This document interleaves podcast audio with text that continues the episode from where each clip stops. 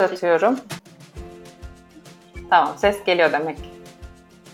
Hep beraber evet diyeceğiz Evet. Evet, herkese merhaba. İkincisini yaptığımız Yalın Çay Sohbetlerine hoş geldiniz. Ben Tülay. Ee, bu sefer çok uzun uzadıya tanıtım yapmaya gerek yok herhalde. İlerleyen dönemde de daha net olarak tanışırız. Bugün Duygu ile beraber e, problem çözme üzerine biraz beyin fırtınası yapalım, beyin jimnastiği yapalım sizlerle beraber sohbet edelim istedik. Neden problemleri çözemiyoruz ya da neden doğru şekilde çözemiyoruz? Sürekli tekrarlayan problemlerimiz oluyor. Biz problemleri çözerken çok fazla terimler içerisinde mi kayboluyoruz? Yani genel olarak ne tür problemlerimiz var problem çözerken ve bunlarla nasıl baş etmeye çalışıyoruz? Neler yapabiliyoruz ya da neler yaparsak daha iyi olur? Bunları konuşacağız. Öncelikle problemleri neden çözemiyoruz? Oradan başlayalım mı Duygu? Kesinlikle. Ben çıkayım mı? Bir çıkıp tekrar girsene. Şimdi biz genel olarak aslında problem çözmeyle ilgili konuştuğumuz, yoğunlaştığımız konulara bakarsak problem çözmede çok fazla zaman ayıramadığımız için, bir an önce hızlı sonuca ulaşmak istediğimiz için ve bu hızlı çözümlere ulaşmak kimi zaman aslında ne yapacağımız belli, çözümü belli olan konularla sadece adı problem çözme olsun, dokümante edelim, belirli yolları geçelim şeklinde ilerlediğimiz için çoğu zaman problemleri doğru şekilde çözemiyoruz. Yani kök nedenleri bulmak için yeterli zamanı ayıramadığımız zaman bu tür problemlerimiz olabiliyor. Bunun dışında işte bilgi, yeterli bilgi, beceri ve deneyime sahip değilsek bu konuyla ilgili olarak konu bambaşka bir yerden başlayıp çok farklı yerlere gidebiliyor. Bu beş neden analizini yaparken, balık kılçığı diyagramını yaparken eğer bu konu hakkında yeterince bilgi ve deneyim sahibi değilsek örneğin orada farklı nedenlere doğru ilerleyip çok alakasız, çok bambaşka yerlerden çıkabiliyoruz.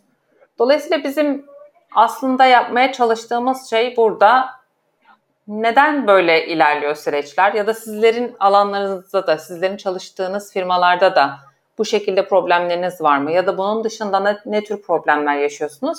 Bunlarla ilgili olarak sizin de fikrinizi almak istedik. Duygu da geldi herhalde bu arada. Geldim sesim geliyor mu şimdi? Geliyor. Geliyor mu kusura bakmayın var bir internet problemi büyük ihtimalle ondan böyle oluyor. Dinledim ama seni dinledim. Tamam. Evet. Yani aslında e, diğer arkadaşların neler yaşadığını merak ediyorum ben de. Benzer durumlar mı var? E, çalışırken ya da işte daha sonra danışmanlık yaparken genelde e, en çok tartışılan konu şu olurdu başında. Neden bu problem bana verildi? Mesela ben bunu merak ediyorum. Sizce kime verilmeli problemin hani liderliği? E, o konunun muhatabına mı verilmeli yoksa e, diğer birimler diğer birimlerde çalışanlardan birine de verilebilir mi? Problemin e, bu şekilde ona mı buna mı gideceğiz ön yargı mıdır? Nedeni biliniyormuş gibi mi analiz edilir o zaman? Neler düşünüyor merak ediyorum ben de.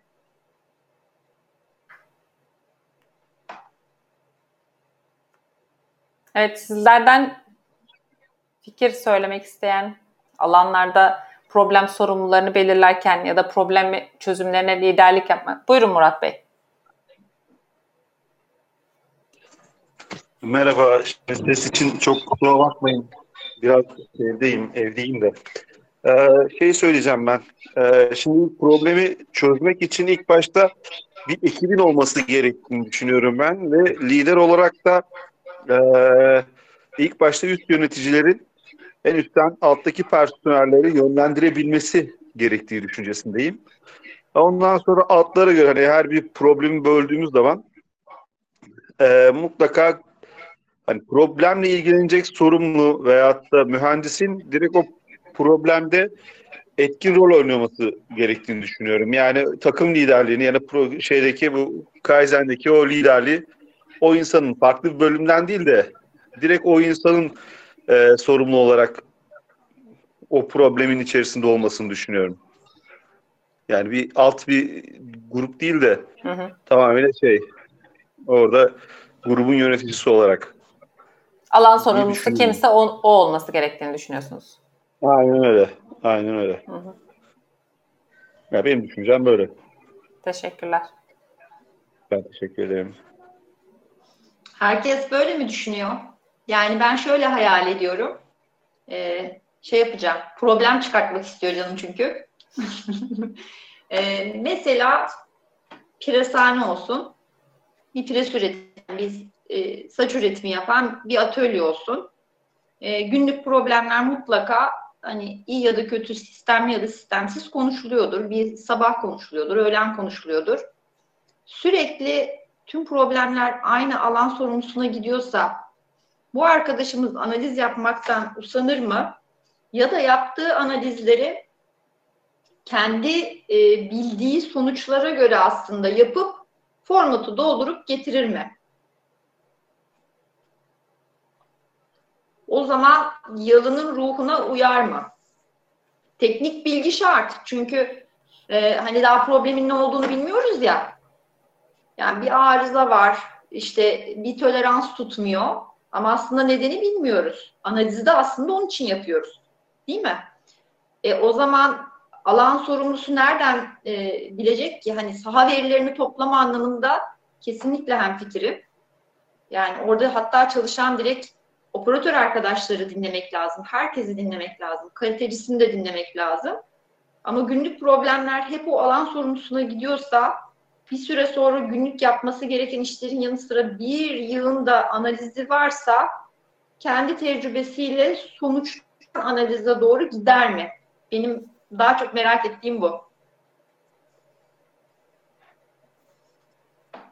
Buyurun Murat Bey. Ya şimdi siz evet doğru diyorsunuz. Hani bir pres halinde atıyorum 10 tane pres olsa en azından bunlardan bir 3 tanesi ayrı bir her biri farklı bir sorun çıkartsa evet e, bölüm sorumlusu, alan sorumlusu bu, bunların kesinlikle altında ezilecektir. Neden? Çünkü tek bir yere kanalize olmadığı zaman veyahut da işte problemlerin e, seviyelerine göre kendini hani ayarlayamayacağı için dediğiniz gibi doğru. Ama ekipte sadece tek olmayacağı için hani o problemi çözmekte bu sefer işte dediğiniz gibi kalite ondan sonra teknik bakım, personel bakımından mavi yaka mutlaka olması gerekiyor. Bir de farklı bir birimden yani farklı atıyorum Arge'den bile olabilir ya da yalın ofislerden birisinden hani personeller gelip destek verebilirler. Gerçekten de o zaman da sağlama noktasına geliriz. Hani hatayı doğru hani gerçekten doğru bir şekilde sonlandırdık mı problemi diye. Yani bu olabilir ama dediğiniz gibi o da doğru yani şey bir personel yani bir sorumlu tek bir hattı içine çalışıyorsa orada o hatalar noktasında ezilecektir. Yüzde yüz ezilecektir.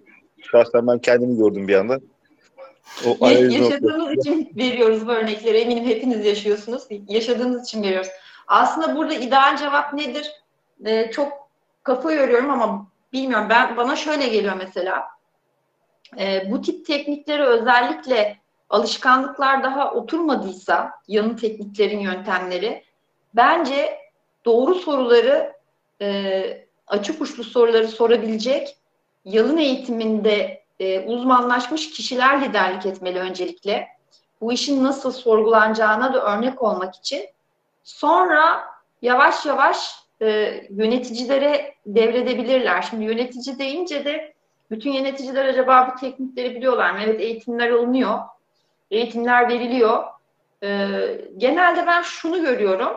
Bir yönetici lider olduğunda o hani bahsettiğimiz alan sorumlusu ya da o bölgenin metot mühendisi hadi koçum sen bu formu doldur hazırla sağ verilerini sonra bir beş dakika bakı veririze geliyor. E, oralardan analizler çıkmıyormuş gibi geliyor. Evet eğer ekip özellikle bir de ekip olarak yapılmazsa dediğin gibi işte sen bunu doldur gel e, şeklinde olursa o kişi de zaten büyük ihtimalle yani istisnalar elbette ki vardır ama sahaya gitmeden masa başında işte olsa olsa o olur, olsa olsa bu olur soruların cevabı ya da geçmiş deneyimlerine dayanarak o deneyimlerden yola çıkarak neler olabileceğini öngörerek dolduruyor formları. E bu da zaten aslında şey getiriyor gerçekten nedeni o olmayan bir sürü nedeni sıralamış oluyor. Ya da çoğunda işte o belki sorumlunun operatör olduğunu düşünüyor. Alt nedenin operatör olduğunu düşünüyor ama bunu yazamayacağı için bambaşka bir şey yazıyor. O operatörün hata yapma riskini ortadan kaldıracak mekanizmaları vesaireyi de aslında ortaya koymaktan e, kaçınmış oluyor demeyeyim ama ortaya koymakla ilgili bir çözüm önerisi olmuyor o zaman. Koşullar onu gerektiriyor. Evet yani. Yaşam koşulları onu öyle, gerektiriyor. Öyle. Peki başka bir soru geldi şimdi aklıma. Ee, sizce bir e, problem çıktı. Analiz başlayacak. İlk adım, en önemli adım ne sizce? Daha ekip kurulmadı, lider belirlenmedi. O yöneticiler toplantıda tartışıyorlar konuyu. En önemli konu sizce ne? Hani doğru başlamak için. Buyurun Murat Bey. Bence ilk başta yani problemin doğru tanımlanması gerekiyor. Ben bunu düşünüyorum. Biraz şey araya gireceğim ama biraz önce söylediğinizde bir şey söylemek istiyorum. Hani siz dediniz ya masa başında sadece dolduruluyor. Hani olması için yapılıyor. Bu tamamıyla ekip işi olduğunu inanıyorum ben. Kesinlikle. Burada da en büyük etken, burada en büyük etken üst yöneticilerin yani bu insanların yapısıyla alakalı istediğiniz kadar şey yapsanız da hani mecburen bir e, tek e, bir tetikleme mekanizmasının olması lazım. Yani bir müdür veyahut da bir patron veyahut da bir direktör devamlı bir hatırlatarak insanlara veyahut da bu durumların ne olduğunu sorduğunda e, geri bildirim aldığında ancak bir ekip olabilir. Yani biraz daha zorlama. Çünkü insanlar kendi konfor alanlarına çekildiği zaman iş hayatında hepimizin vardır. Bir kendimize bir konfor alanı belirliyoruz. Uğra uğraşmıyoruz analizlerin içerisinde veya hatta takiplerin, ürün takiplerinin içerisinde. Biz bunu kolayca dolduralım masa başında bu evrakları. Ondan sonra zaten patron da müdür de sormuyor. Biz rahatlıkla o gün kendimize bir kaizen açmış olur, bir problem çözmüş olur veyahut da çözmüş olduğumuzu zannederiz. Ya da dediğiniz gibi operatörün ağzından duyarız bir şeyleri. Onun söylediklerini direkt nakleder. Ondan sonra çözmüş gibi oluruz. Ama burada ilk başta da çözmemiz için ilk başta problemi ilk başta doğru tanımlamamız gerekiyor. Yalın bir şekilde tanımlamamız gerekiyor. Kısa ve öz bir şekilde tanımlayıp ondan sonra alt dallara bölmemiz lazım. Nereden problem çözülür diye. Katılıyorum Murat Bey. Bir de hani problemi doğru tanımlamak için aslında standardı var bunun ve e, standart deyince aslında yalının neyini kullanırsanız kullanın standart metotlar silsilesi. Bir firmada aynı e, üretim dilini, aynı teknik dili kullanabilmek için bir metot aslında. O problemi tanımlarken makine numarasının yazımından e, problemin çıkma şeklinin tarifine kadar eğer firma kendi içinde bir kültür oluşturmuşsa yapılacak ilk şey bence o gün çıkan problemin daha önce çıkıp çıkmadığını sorgulayacak bir arşivin olması ve eğer standart varsa problemin tanımı da standart olacağı için direkt o eski analizlere ulaşılabilir ve belki de e, oradaki aksiyonlardan bazıları unutulup yapılmadığı için tekrar etmiş olabilir. Böylece sıfır analize gerek olmaz. Ben de böyle düşünüyorum. Sizinle hem fikrim. Evet. Dediğin gibi aslında çok da basit bir yöntem bu özellikle problem tanımını standartlaştırmak. 5W2H e, şeklinde tanımlanan hani nerede bulundu, ne, ne, neden bulundu, e, bize bunun etkisi nedir, kaç adet var, nasıl tespit edildi? Gibi soruları standart olarak sorup bunlara cevap verecek aslında bir cümle oluşturduğumuzda ya da iki cümle oluşturduğumuzda bütün problemi net bir şekilde tanımlamış oluyoruz. Evet ve hani e, yalın deyince kendi başına bir sistem gibi gözüküyor ama aslında problem çözme teknikleri bu kalite denetimlerinin işte 8D'lerin bir sürü bir sürü konunun e, birinci basamağı. Çünkü ilk sorulardan biridir. İşte son iki ayda, üç ayda çıkan problemlerimizden birini örnek getirin ve analize bakalım. Eğer gerçekten yani yalın yalın gibi standart tarafıyla aynı ortak dili firmada konuşabilmek için problemin tanımından itibaren kullanıyorsanız buna denetlemelerden geçmek de kolaylaşıyor. Ee, işte tekrar eden problemlerinizi koyduğunuzda bir kalite denetçisi olduğunda aa evet çözülmüş, aksiyonlar takip edilmiş. Hatta bir daha çıktığında bu aksiyonlar gözden geçirilip daha uzun vadede yatırım gerektiren bir konu atlanmış. Çünkü bu da aa niye atlanmış değildir bence bir kalite denetçisi gözünde. Çünkü günlük problemler devam ederken, yeni projeler devam ederken bunlar atlanabilir uzun vadeli yatırım getiren, e, gerektiren konular. Burada da yine yalın sistemin öncülerinin bu aksiyonların takipçisi olmasını ben tavsiye ederim. Çünkü bunu kişilere bıraktığınızda o günlük hayatın içinde argeci arge dertleriyle, bakımcı bakım dertleriyle, üretim üretim adetiyle sürüklenir gider. Yalın sistem liderleri mutlaka bunların takipçisi olmalı. Bu o e, kuruma ait e, farklı farklı denetlemelerden e, ve problemlerden, en önemlisi problemlerden e, zamanında engellemeyi sağlayacaktır. Evet. Murat Bey Başka... Murat Bey elini kaldırıyor ama. Buyurun Murat Bey.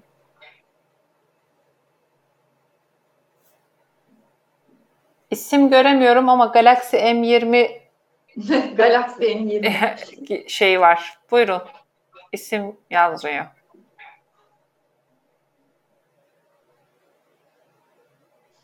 Ben sizin sesinizi açabiliyor muyum? Şey, ben geleyim o zaman araya. Tamam. Bence hani problemi çözmek tamam eyvallah bir problem vardı. Geçti bunu çözdük. Sizin söylediğiniz gibi Resane'de mesela bir batık Merhabalar. Iyi akşamlar. İyi akşamlar. Alo. Merhaba. İyi akşamlar. Alo. Sesim gelmiyor herhalde. Şimdi geliyor, gelmeye geliyor. başladı. Murat geliyor Bey sesiniz. Girdi. Evet geliyor sesiniz ama isminiz de gözükmüyor.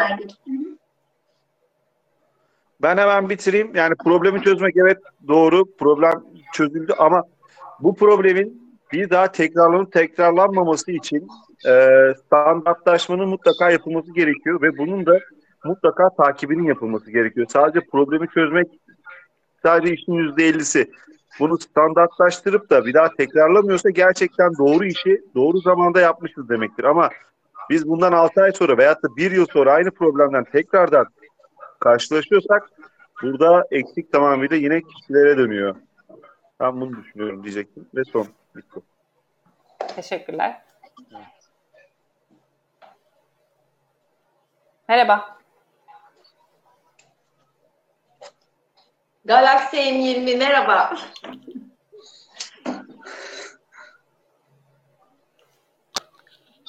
Önce isminizi alalım mı? Duyuyor musunuz bizi? Sizin mikrofonunuz açık. Mikrofonum açık mı? Sesimi alabiliyor musunuz? Evet evet alıyoruz. Heh, e, ilk defa indiriyorum programı onun için e, şey yapamadım. İsmim Erkan. E, e, şirketlerde T-Kart uygulamasıyla bazı e, ön çalışmalar yaparak e, önüne geçebiliriz birçok hatanın diye düşünüyorum. E, bölümler arasında iş denetim e, kavramını biraz daha geliştirerek e, beyaz yakalardan oluşturulacak ekiplerle e, küçük checklistler oluşturarak o checklistler sayesinde yapılacak e, iş denetimlerle e, muhtemelen birçok problemin önceden keşfederek e, alışkanlık oluşmuş oluşan alışkanlıkları kaybettirerek e, çünkü işletme körlüğü bölüm e, bölümün kendi iç denetimde kendi kendine yaptığı denetimlerdeki körlükler ortadan kalkıyor TİKAT yöntemiyle diye düşünüyorum. Evet katılıyorum. İnsan zaten doğrusunun ne olduğunu düşünerek işi o şekilde yapıyor. E, sürekli aynı şekilde iş yaptığı için bunu bir denetleme mekanizmasına tabi tuttuğunuzda e, evet her şey normal gözükebiliyor. İç denetimler evet. aynı zamanda bu problem çözümlerini uyguladıktan sonra aslında şey için de kullanılabilir. Siz şimdi e, iç denetimleri söylerken aldığımız aksiyonlar hala yaşıyor mu? Hala devam ediyor mu? İşte biz problemi çözdük. 31 Mart'ta konuyu kapattık. Belki 30 e, Nisan'da, 30 Mayıs'ta, 30 Haziran'da bunlara tekrar dönüp o iç denetim e, çalışmalarında ya da projeler için belirleyeceğimiz belli periyotlarda yapacağımız denetimlerde bunları mutlaka e, test etmemiz lazım. Murat Bey'e katılıyorum. Aksiyonlar hala e, orada devam ettiriliyor mu kısmı aslında bence de çok önemli. Belki her iyileştirme çalışması sonrasında ne kadar süreyle takip edileceği, işte her hafta mı bizim bunu kontrol etmemiz gerekiyor, her ay mı ya da 3 ay sonra tekrar mı dönüp bakmamız gerekiyor? Bunlara da mutlaka bakmak lazım. Tekrarlayan problemlere sahip olmuyorsak, olmak istemiyorsak.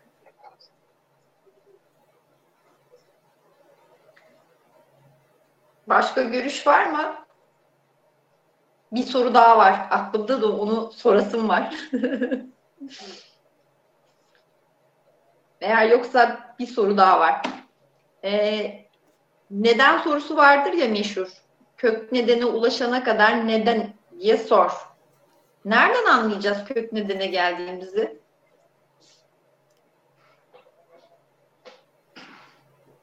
Nerede duracağız Duygu Hanım? Hangi nedenden sonra? Ne duruyoruz yani buna kim karar veriyor? Yani hadi örnek de verelim. Neden neden neden diye sorduk sorduk. Birileri dedi ki operatörün e, hatası. Kök nedene gelmiş olur muyuz?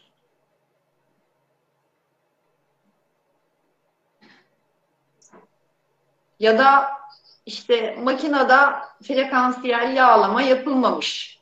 Kök nedene gelmiş olur muyuz? Onu kim hissediyor? Evet burada duralım demeyi. Buyurun Murat Bey. Böyle üçlü görüşme olacak galiba. Ya şey e, kesinlikle biz yani zaten operatöre bağlamak iş anlayışında en büyük hatalardan bir tanesi olur. Ee, hani nedenlerin sonunda geldiğimizde benim benim yani daha çok teknik kısımda olduğum için hani teknik oradaki sorunlardan hani o gruptaki sorunlardan bir tanesi teknik olarak daha üstün olduğunda veyahut da işte yani doğru teknik olarak kendi anlamda kendi içerisinde bu problemi çözdüğüne inandığında ondan sonra hani gerçekten de belki sona geldiğini farz edebilir, düşünebilir sadece. Dene, bu da tabii deneme yanılmayla olacak. Deneyecek, yanılacak. Ondan sonra bir neden daha soracak. Sonra bir neden daha soracak.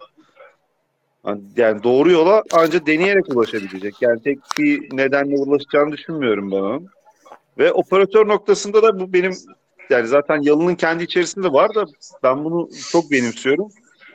Onun hiçbir zaman operatöre bağlanmamalı bir şeyin sorunun. Yani bir neden, nedenlerin sonunda operatör e, görmedi veyahut da operatör ne bileyim dalgındı gibi kelimelerle olacağını ben düşünmüyorum. Yani istemiyorum. Zaten böyle bir kendi ekibimde de böyle bir cevabı da istemiyorum herhangi bir durumda bir hatada. Çünkü biz orada neyi eksik yaptık, neyi yanlış yaptık. Biz orada operatöre neyi veremedik ve o hatayla karşılaştığını kendi içerimizde ekibimde özellikle. Şöyle daha doğrusu bizde yasak operatöre bağlanması bir şeyin. Bir sorun, bir problemin operatöre bağlanması yasak. Kesinlikle e, çok güzel yerden geldiniz. Sadece operatör değil, bence diğer birimlerde e, mühendis de olabilir, lojistik e, çalışanı da olabilir. Bence insana bağlamak e, yanlış. Benim en azından yalından anladığım bu değil. İnsana ne zaman bağlayabilirsiniz ki? Burada da bence iş yöneticilere düşüyor. Kötü niyet varsa, başka konularda da benzer davranışlar oluyorsa yani bir insanın niyetinin kötü olması dışında e, insanlara bağlanması bence yılının mantığına çok ters. E, bana göre neden sorusunun bittiği yer konunun bir sistemsel standarda bağlanıp bağlanmadığı. Yani istediğiniz kadar neden değil. Mesela e, işte operatöre bağlandı. Peki operatör bu hatayı neden yaptı? Ee, çalışma saatlerinde mi düzensizlik var? Ee, çay molasına mı gidemiyor? Tuvalet molasına mı gidemiyor? Eğitimini mi almamış? Sorularını bir, bir yıl soruyu sorduktan sonra o konuyla ilgili bir sistem var mı? Kural var mı? Bunu herkes biliyor mu? Ee, ve uyguluyor mu? Uygulandığı da teyit ediliyor mu diye gittiğinizde bence nedenler bitebilir. Evet ya az önce verdiğin örnekte de frekansiyel yağlama unutulmuş ya da yapılmamış. Onda da aynı şey geçerli. Yağlama neden yapılmamış, neden unutulmuş? İşte bununla ilgili belki bir uyarı sistemi konulabilir mi? Dediğin gibi bir sisteme, bir metoda bağlayabiliyorsak nedenin sonucunda çıkan o kök nedeni ortadan kaldıracak çözümü orada bitiyor. Bir de ben şunu da özellikle söylüyorum. Nedenleri analiz ederken belki bir yerden sonra farklı noktalara da gidebilir. İşte bir nedenin cevabını bulduk. Onun iki farklı nedeni olduğunu düşünüyorsak oradan ayırıp devam edebiliriz. Burada da şuna dikkat etmek gerektiğini düşünüyorum. Bir, oluşma ile ilgili olarak nedeni sorgulamak lazım. Yani neden oluştu bu hata?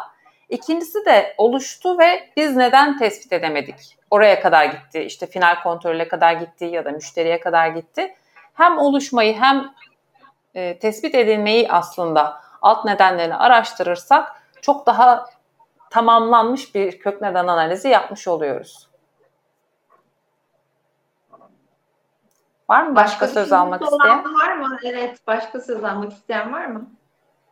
Şimdiye kadar konuştuklarımızla ilgili yani en önemli adım nedir dedik başlangıçta. Ondan sonra e, kök nedene kaç kere neden diye sorulur dedik. Problemin liderliği, problem çözümünün liderliği hep aynı kişiye evet. mi verilmeli? Alan evet. sorumlusuna mı? En başta onu konuştuk. Tecrübesi olan var mı bu konuda paylaşmak isteyen ya da analiz yapıyorum işte tam da buralarda takılıyorum şöyle bir şey buldum.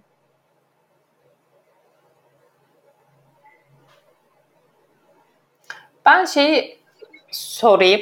Ee, önceden çözümünün belirlenmiş olduğunu düşündüğünüz problemlerle hiç uğraştınız mı? İşte gidilecek yol belli. Aslında çözüm kendilerince, insanların kendi kafalarında yeni bir ekipman alımı ya da ekipmanın değişecek parçasının ne olduğunun belli olduğu ya da farklı bir işte nakliye şirketine geçmek. Yani konunun ne olduğundan bağımsız. Derdimiz lojistik de olabilir, kalite de olabilir, bakım da olabilir. Çözümünün belli olduğunu düşündüğünüz herhangi bir probleme e, liderlik ettiniz mi ya da böyle bir ekibin içinde bulundunuz mu ya da dışarıdan gözlem yapma şansınız oldu mu? Bu tür projeler ne kadar hayatın içinde? Buyurun ben Murat Bey. Ben da havaya kaldırdım Tülay. Hiç böyle bir şey yaşamadım. Değil mi? ben de. Buyurun Murat Bey. Şimdi ben e, genel olarak yaşadığım problemi anlatayım. Benim de özellikle size de söylüyorum hani e, üst yöneticilerin burada asıl aktif rol oynaması gerektiğini. Ben yaklaşık bir 6-7 tane bir müdür değiştirdim. Farklı firmalarda da olsun. Sadece bu şeylerden bir tane müdürüm benim, yöneticim gerçekten de hani yalın üretimde beni bir yerlere getirip hani daha başlangıcıdayım. Ben de daha bir şey bilmiyorum. Ee, baş, hani bu bunu hayatıma yerleştirip benim iç, içselleşmemi sağlayan bir şeydi. Orada e, problemleri hep bu şekilde yansıtmaya çalıştım. Hep bu şekilde düşünmeye, bu şekilde görmeye çalıştım problemleri, bu şekilde incelemeye çalıştım. Ama ekip olmadığı zaman çok yorulduğumu fark ettim. Yani evet bir bizde şey var, bizim fabrikamızda bir yalın düşünce var. Hani sadece söylen, söylen söyleniyor. Ee, şey var. Hani problemler çözülmeye çalışıyor. İşte bir, bir noktada kaizen yapmaya çalışıyoruz. Bir noktada işte e, problem çöz, çözme tekniklerine ulaşmaya çalışıyoruz. Ama düşünmedikçe diğer hani ekip olamadığımız sürece hiçbir şekilde tek kişi veya tek kişiyle maalesef olmuyor. Evet problemleri kendi başıma çözdüm. Çok fazla problem var. İşte yeni bir proje oluyor biliyorsunuz. Yeni proje başladığı zaman da onunla birlikte problemler de e, tap noktaya ulaşıyor. Çözüyoruz problemlerimizi. Nedir işte atıyorum bir batık problemi. Ben kaplama ve polisaj sorumlusuyum fabrikanın. E, presane de var bizde. oradan bir sorun yaklaşıyor, bir sorun geliyor. O sorunu çözmek için ekip kurmaya çalışıyorum. Ekiplerle çözüp hani sonuca gitmeye çalışıyorum. Oluyor, bir şekilde çözülüyor ama bu sorun tekrarlıyor bizde. Sıkıntı o. Yani biz bir sorunu çözüyoruz. Standarta bağlıyoruz. Bir yerlere yazıyoruz ama iki ay sonra bu sorunu biz tekrar karşılaşıyoruz. Ve karşılaştıktan sonra da işte verim ve bu sefer de gerçekten de e, üretim maliyetleriyle karşılaşıyoruz ciddi şekilde. Ondan sonra sarf, et, sarf malzemelerimizin olsun tüketilmesi. Bunların hepsi bize birer gider kalemi olarak yansıyor. Ve biz işimizi yapmamış oluyoruz bu sefer de. Yapamıyoruz yani. Doğru bir iş olmamış oluyor. Murat Bey, yaşadığım genel olarak- acaba o çok uğraştığınız, özür dilerim böldüm, çok uğraştığınız o problem sürekli analiz yapılıyor. Ee, hani bütün kalemler irdeleniyor, bir yere gidemiyorsa acaba proses dizaynı ya da e, ürünle ilgili başka kalemler olabilir ve o teknik bilgiler sizlerde olmayabilir mi? Tam öyle sayılmaz. Biz aksiyon alıyoruz. Ee, yazı şeyleri de var. Hani gerekli donanımlarla e, revizyonları da yapıyoruz. Ama bir sonraki üretimde sık sık değiştiği için pres şeylerde kalıplar e, tekrar etmesi ve personelin hani personel değil tamamen bu üst noktadan söz ediyorum. Mavi yakadan değil. Yani oranın sorumlu olduğumuz insanlardan e, standartlaştıramadığı için olayı Hmm. durumu e, da tekrar tekrara giriyor. Nedir? Biz sadece biz doküman olarak hazırlıyoruz. Tamam çok güzel. Tek nokta eğitimi hazırlıyoruz. Ondan sonra tablolarda işaretlemeler yapıyoruz. Resimler çekiyoruz, koyuyoruz. Problemleri güzelce tanımlayıp yazıyoruz. Her şey çok güzel. Ama o bir tane dosyanın arkasında X dosyanın arkasında bir yerde tozların arasında kayboluyor ve gidiyor. İki hafta sonra ya da atıyorum iki ay sonra biz yine bir başka bir e, kalıbı işleme aldığımızda biz bu sorunla tekrardan karşılaşıyoruz.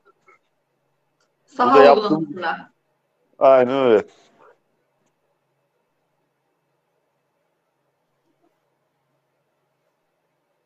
Yani benim kabaca yaşadığım, fabrikada yaşadığım sorunlar bunlar.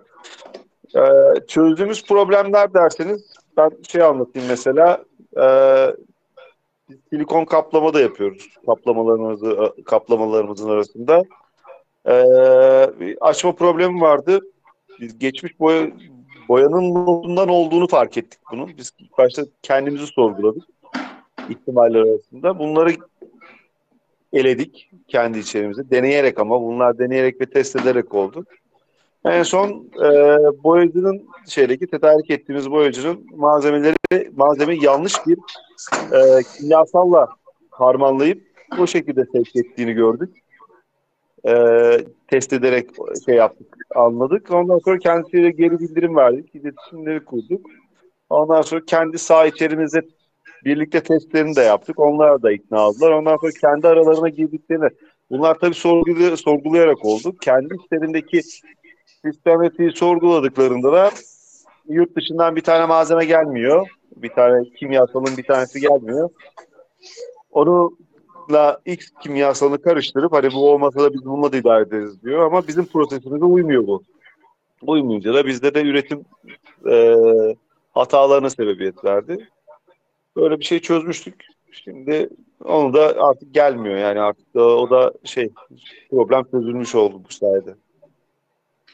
Ee, İnşallah. Murat Bey, sizin hani e, çalıştığınız yer için söylemiyorum çünkü çok genel bir probleme değindiniz biraz önce. Ona döneceğim ben. Ee, bir analizler yapılıyor, e, bir süre uygulanıyor onun kararları, sonra saha uygulamamaya başlıyor. Ee, Birçok yerde var bu. Ee, yalın sistem buna ne öneriyor acaba? Yani kişisel olarak insanların o inisiyatifine kalmayacak şekilde bir düzenleme yapılması ile ilgili ne öneriyor? Ben tercihte bulunmayayım, onu öyle yapmak zorunda kalayım. Ya da işte bir işi Duygu da yapsa, Tülay da yapsa aynı şekilde yapsın. Ya genelde böyle konularda da e, illaki bir hassas proses parametreleri konuları vardır. Ve onlar o problem e, birebir takip edilip analiz edilir, edilirken e, aksiyonlar takip edilir ya kim yapıyorsa o dönem uygulanır. Aynı Murat Bey'in dediği gibi bir süre sonra bu kağıt kürek uçar. E, bir daha gelip baktığınızda işte hani ilk başta söyledik ya daha önce böyle bir analiz var mı? Aksiyonları devam ediyor mu? Sorgulaması yaptığınızda etmediğini görürsünüz. E şimdi yalın aslında koca bir sistem ya. Yalın buna acaba ne öneriyor? Yani Murat Bey e, gibi birkaç arkadaşın e, durmadan analiz yapmasına mı kitlenecek sistem? Buyurun Murat Bey. Yok bu sefer ben kaldırmadım. Ben E, el gözüküyor ama öncesinde mi kal öncesinden kaldı o zaman. Evet. Evet, evet. Var mı konuşmak isteyen? Şöyle bakıyorum.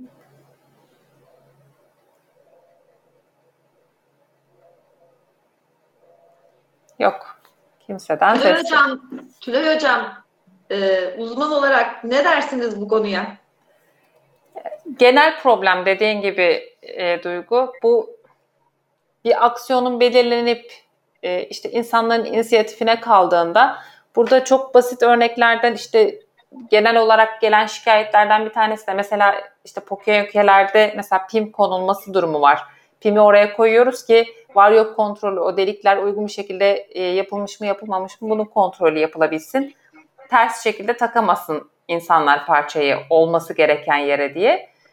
Ama operatör o pimi oradan çıkartıp işini zorlaştırdığını düşünerek onu oradan çıkartıp diğer türlü işlem yapmaya devam edebiliyor. Yani eski kendi bildiği yöntemle.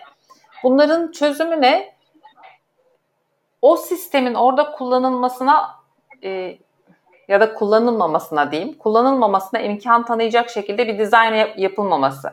Ya ürün üzerinde ya oradaki e, makine ekipman üzerinde, kalıp üzerinde gerekli değişikliklerin yapılarak ya da işte az önce senin söylediğin gibi ayarlanması gereken parametreler varsa ben onu bir yerden bakıp işte tek tek ayarlamam gerekiyorsa bu biraz daha zorlu olabiliyor.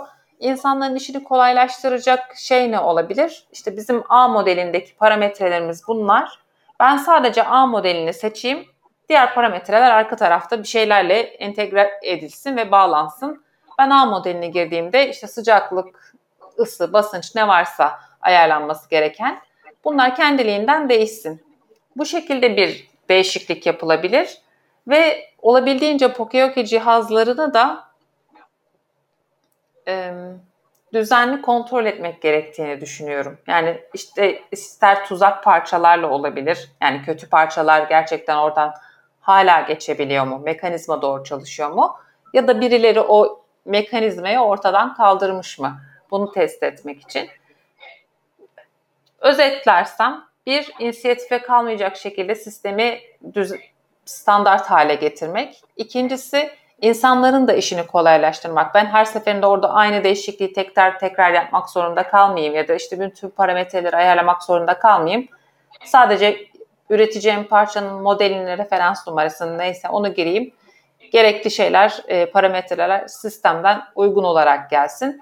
Üçüncüsü de bütün sistemlerde olduğu gibi sistemi denetleyecek. Yani mekanizmanın ya da insanların doğru çalışıp çalışmadığını, o Pokeyoke cihazlarının e, kalibrasyonu diyebiliriz bir nevi. Doğru olup olmadığının kontrol edilmesi gibi üç tane basamaktan bahsedebilirim.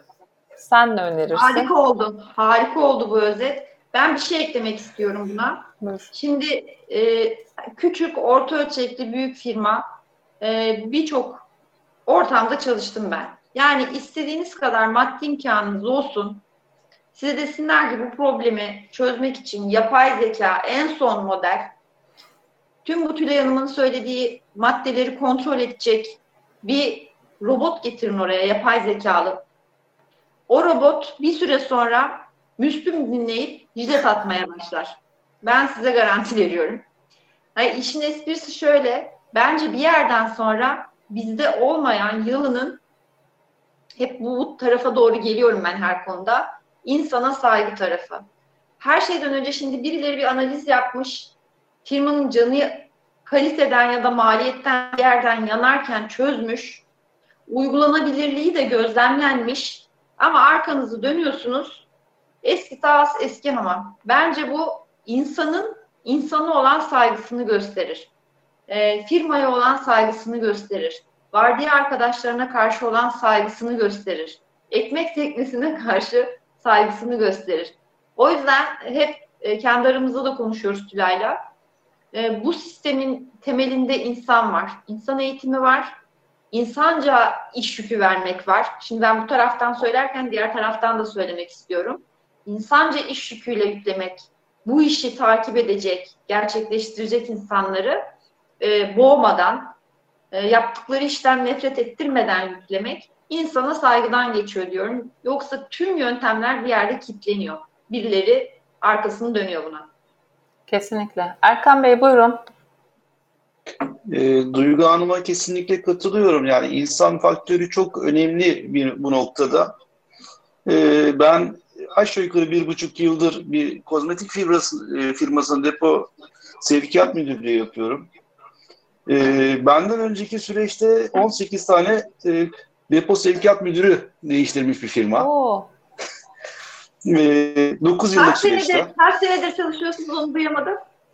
Bir buçuk yıldır çalışıyorum. Maşallah diyelim o zaman 18'den sonra. Ee, Şimdi e, dediğiniz gibi e, insan faktörü çok fazla önemli. E, Çalıştığınız insanlara niye, niçin yaptığınızı anlatırsanız, bunun e, oluşabileceği katkılarını anlatırsanız, artı e, sonuç olarak neyin kazanılacağını, onların fikirlerini alarak yönlendirdiğinizde hakikaten e, çok güzel geri dönüşler alıyorsunuz. Bizim en büyük problemlerimizden bir tanesi ben e, başladığımda sayım problemi. Bir önceki yılda felaket bir sayım yapılmış. E, ben e, silahlı kuvvetler geçmişim var. Bu geçmişe bağlı olarak e, bir sayım yöntemi oluşturdum. Arkadaşlarla bunu paylaştım. Bunu bu şekilde yapmak istiyoruz. Bunun sonucunda bunlara kazanacağız. Sizin fikriniz nedirle başlayarak ee, geçen sene 70-80 kişiyle 15 e, günde yapılan sayımı biz bu sene 15 kişiyle 4 günde bitirmek gibi başarı elde ettik. Ve e, %98-%99'luk doğrulukla bir sayım yaptık. Ama hakikaten insan faktörü e, sayıma katılan herkesin e, niye, niçin yaptığını anlatarak yani eğit- e, sayım öncesi eğitimler verip bu sayımda bir önceki sayımda ne gibi hatalar yapılmış bunların neden yapıldığını e, göstererek bir sayım yaptık. Sonrasında e, yönetimin katkıları çok önemli burada. Yani e, yönetimden bazı taleplerimiz oldu işte sayıma katılan personelin dinlenme saatlerini uzatarak daha sonraki süreçte e, küçük ufak tefek e, jestler yaparak pastadır, çörektir, börektir gibi e, e, o kadar zevk alarak sayım yaptı ki insanlar. E, yaptıklarını, e, kontrollerini, nokta kontrolleri yaptığımızda e, geçen yıl bu sayıma katılıp hata yapan personelin daha verimli çalıştığını görüyorsunuz. Hani insan faktörü kesinlikle e, çok önemli. O konuda e, sonuna kadar katılıyorum. Çok güzel bir örnek oldu ama ben şeye takıldım. Silahlı kuvvetlerden kozmetiğe nasıl bir kariyer? Emekli oldum. Emekli olduktan sonra e, silahlı kuvvetlerde de aynı şekilde e, depo sevkiyat alanında kendimi e, 25 yıllık bir çalışmam olmuştu. E, şu andaki birkaç e, özel sektörde de üçüncü şirketim bu. E, her girdiğim yerde bir silahlı kuvvetler kültürüyle e, birçok şeyi görmeye çalış- çalışıyorum. E, özel sektörde çok eksiklerimiz var bu konuda. Yani e, yanlış giden şeyleri düzeltmek e, hakikaten yöneticilerin bakış açısı e, mavi yakaya gerçekten çok farklı. Ama mavi yakadan o kadar güzel geri dönüşler alıyorsunuz ki o işin içerisinde olan insanlara değer verdiğinizde, o işin içerisinde olan insanlara söz söz verdiğinizde e, çok güzel geri dönüşler alıyorsunuz. Valla harika oldu. Katkınızdan dolayı teşekkür ederiz. Çünkü silahlı kuvvetlerdeki o standartlaştırma, e, disiplin e, yalının yani ana e, kemikleri. İnsan da eklenince buna çok tabii, güzel yani-. E, Ya bir emir komuta zinciri değil, hani insan e, faktörüne değer vererek yol aldığınızda hani 4-5 yıllık, e, 5-6 yıldır o fabrikada çalışan, o fabrikanın iş dinamiklerini bilen insanlarla çalışmak çok daha farklı. Ben otomotivde çalıştım, elektronikte çalıştım. Şu anda e, e, kozmetik sektöründeyim. Üç, üç farklı e, yapıdaki fabrika ama e, iş dinamikleri hepsinin farklı. E, ben böyle o istiyorumla başladığınız bir yönetim şekli ne yazık ki hiçbir fabrikada yürümüyor. Ama orada çalıştığınız insanlara değer verdiğinizi hissettikleri anda her konuda size destek olmak için aman hata yapmayalım, aman yanlış yapmayalıma dönüyor olay. Ee, küçük küçük kaizenlerle başlayıp hani onlara kaizenin ne olduğunu, kaizenin nasıl e, iyileştirmeleri ortaya çıkardığını ve e, yönetimin bakış açısını değiştiriyor. Hani düşünün e, 9 yılda 8 18 fabrika müdürü değiş, e, depo müdürü değiştiren bir yönetim, yöntemde e, o da çalışan personel bakış açısını düşünün. Şu andaki bizim yöneticilerimizin bize bakış açısı o kadar değişti ki. E, bence hani insan, insan insan faktörü çok farklı. Yani insan faktörüne hakikaten de e, değer verdiğinizde çok e, güzel şeyler ortaya çıkıyor. Bir de Çok Erkan Bey söylediğiniz bir şey yani sayımı neden yapıyoruz, hata yaptığımızda nelere neden oluyor? Bence de insanın bir şeyi neden yaptığını bilmesiyle yaptığı işin kalitesi neden yaptığını bilmeden yaptığı işin kalitesi birbirinden çok farklı oluyor. Öbür türlü şey gibi düşünüyorlar insanlar. Sayımdan örnek verdiniz diye oradan devam ediyorum. İşte e, sayacağım. Ha 3 3 eksik 5 fazla ne fark eder diye düşünüyor. Ama diğer türlü neden e, doğru saymalıyım ya da yanlış saydığımda bu aslında neleri etkiliyor? İşte ben burada e, 10 tane var olan bir malzemeyi 12 tane saydım. 12 e, tane o zaman kayıtlar 12 tane olarak geçiyor. Aslında 10 tane oluyor. İşte 2 tane aradaki fark malzeme eksikliğine sebep oluyor. Bu da bizim müşteriyi durdurmamıza sebep olabilir vesaire vesaire. Yani bütün e, detaylarıyla hata yaptığımda tabii, tabii. aslında nerelere etki ediyor bütün bunlar? bildiğinde insanlar ister istemez zaten daha dikkatli oluyorlar. Daha çok özen gösteriyorlar yaptıkları işe. Tabii ki tabii ki zaten e, hani bizim sayımız 4 gün sürdü ama e, sayım öncesi eğitimlerimiz yani o sayıma katılacak personeli belirleyip o, o personele e, sayımın e, ruhunu ben sayım ruhu diyorum ona sayım ruhunu aktarabilmek 20 gün. Yani e, yarımşar saatlik 15'er dakikalık hani daha önce yapılmış sayımlarda hataların neden yapıldığını, işte hakikaten e, e, ne gibi yanlışlar yapıldığını gösterdiğinizde o noktaya geldiğinde insan ha bu daha önce böyle bir hata yapılmış, bunu benim yapmamam için ne gerekiyor? Anlattığınızda o hatayı yapmıyor. Hani kontrollerinizi yaptığınızda insanların ona dikkat ettiğini görüyorsunuz. O eğitimi vermemiz işte mesela e, yemek yapan bir insana boneyi niye takması gerektiğini anlatmadığınız zaman kafasına şapka gibi bırakıyor ama boneyi neden takması gerektiğini anlattığınız zaman işte kulaklarını da kapatıyor. Ama sen bu boneyi takacaksın. Sadece bunu söylediğinizde ve boneyi e, ona zor geliyor. Katılıyorum. Karşınız yani ne, neden yaptığını anlattığınız anda zaten olay çözülüyor. Hani bunun niçin yapması gerektiğini karşınızdaki insan bilirse e, işler biraz daha kolaylaşıyor sanki. Evet. evet bence de. O neye takacaksın? İnsanı bir de değersizleştiren bir emir gibi. Neden e, takacağım? Gibi. Çünkü ben istiyorum. Evet.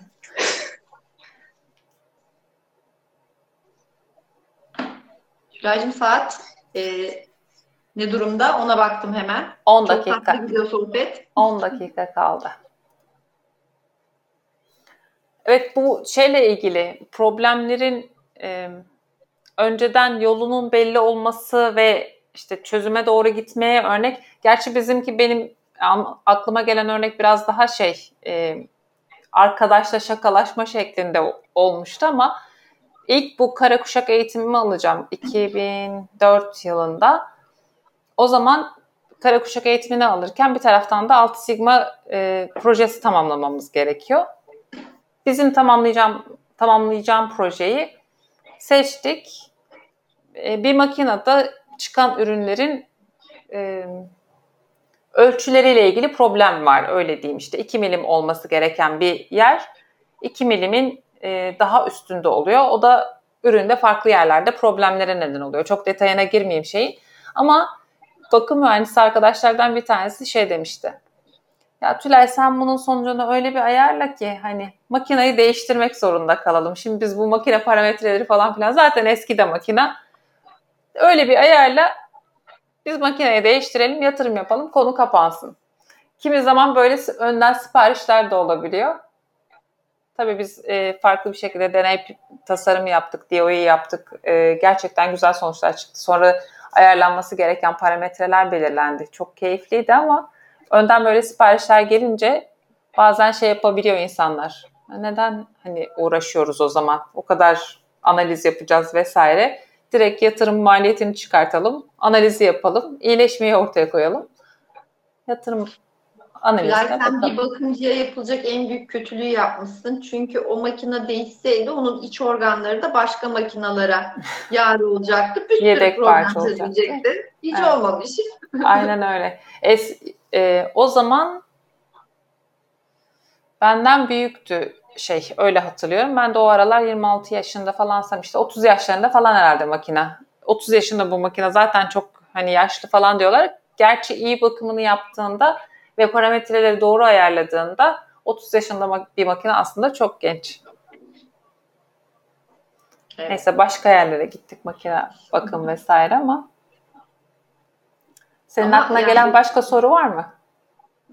Benim aklıma çok sorular geliyor. Onlara da girersek e, Cuma akşamı Çıkamayız ona doğru gideriz. E, ben çok keyif aldım yine bu seanstan. Çünkü e, değişik değişik sektörlerde aslında aynı dertleri yaşıyoruz. Onu fark ediyorum her seferinde. E, dönüyoruz, dolaşıyoruz. Yine bir yerden insana geliyoruz. Metotlara geliyoruz. Standardına geliyoruz. E, isimlerin çok önemi olmadığını anlıyorum ben her seferinde. Yılının bir metodunun Japonca ismi ya da entelektüel bir sürü dokümanlar değil. Öz, özünde yine sahada insanlarla konuşmayı bilmek, e, standart metotları kullanmak çözüme götürüyor.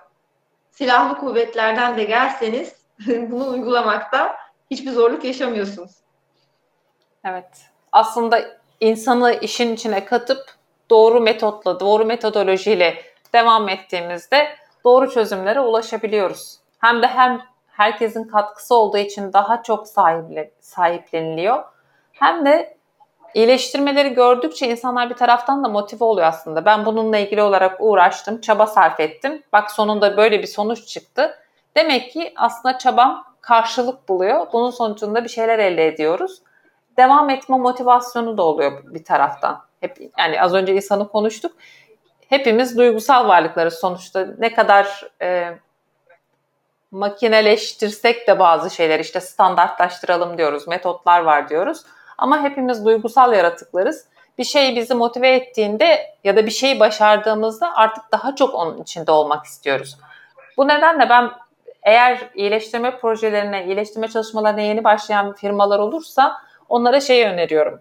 Önce insanların altından kalkabilecekleri iyileştirme çalışmalarını verin. Görsünler başarabildiklerini, motive olsunlar. Devam etmekle ilgili hevesleri olsun ve bu şekilde devam edebilsinler.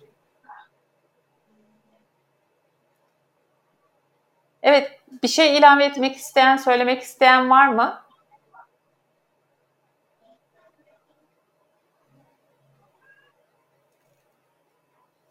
Sen bir şey eklemek ister misin Duygucuğum? Ben şunu eklemek istiyorum. Ee, bir sonraki buluşmada ne konuşulsun istersiniz? Evet, buradan chatten de yazabilirsiniz. Evet. Yanın dünyaya da yazabilirsiniz sonra ama şu anda aklıma gelen varsa paylaşırsa çok seviniriz. Evet, LinkedIn'den de yazabilirsiniz. Yalın Dünya'ya da yazabilirsiniz.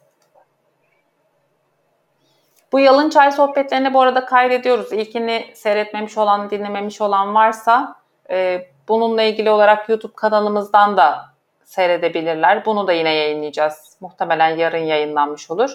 Murat Bey demiş ki üretimde yaşadığımız sorunlar. Onu dizi film yapalım. Sezon sezon olsun.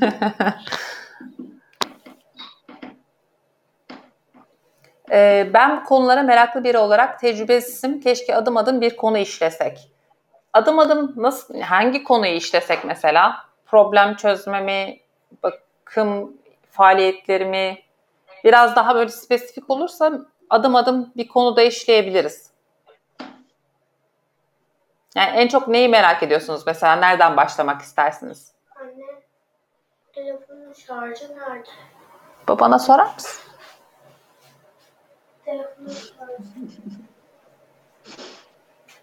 Problem işte telefonun şarjını bulamıyor çocuk. Öyle. Neyse en azından şarjı bitince şarja, şarja takmak için şeyi arıyor, kabloyu arıyor. Bakım faaliyetleri faaliyetleri. konusu diyen bir arkadaş var. Bakım faaliyetleri de çok geniş. Hepsini merak ediyorum aslında. Sizler nasıl dilerseniz. Tamam. Ee, bu adım adım bir konu işlesek kısmında hepsini merak ediyorum. Sizler nasıl dilerseniz demiş. O Tamam. zaman gelecek programlardan bir tanesinde şey yapalım. Bir konu belirleyelim ya da e, belki bir anket açabiliriz. En çok hangi konuyu dinlemek istiyorlarsa arkadaşlar. Onunla ilgili Adım bir şey adım yapabiliriz. Aynen öyle. Adım adım anlatırız. Her Bakın- adıma da sohbeti sokabiliriz Tülay o adımlara. Yani Evet. bir konuyu hani saate de sığdırmak lazım ama adım adım anlatıp araya da böyle sohbetleri koyabiliriz örneklerle. Evet olabilir. Başka ne var? Bakım faaliyetlerini söyledim. Bu kadar gelen şeyler, talepler. Benden de bu kadar. Tamam. O zaman herkese teşekkür ediyoruz katılımı için. Bir Cuma sonrakinde ayırdığınız için teşekkürler. Harika bir hafta sonu dilerim. evet ben de herkese iyi hafta sonları diliyorum. İyi akşamlar. Görüşmek üzere. Hoşçakalın.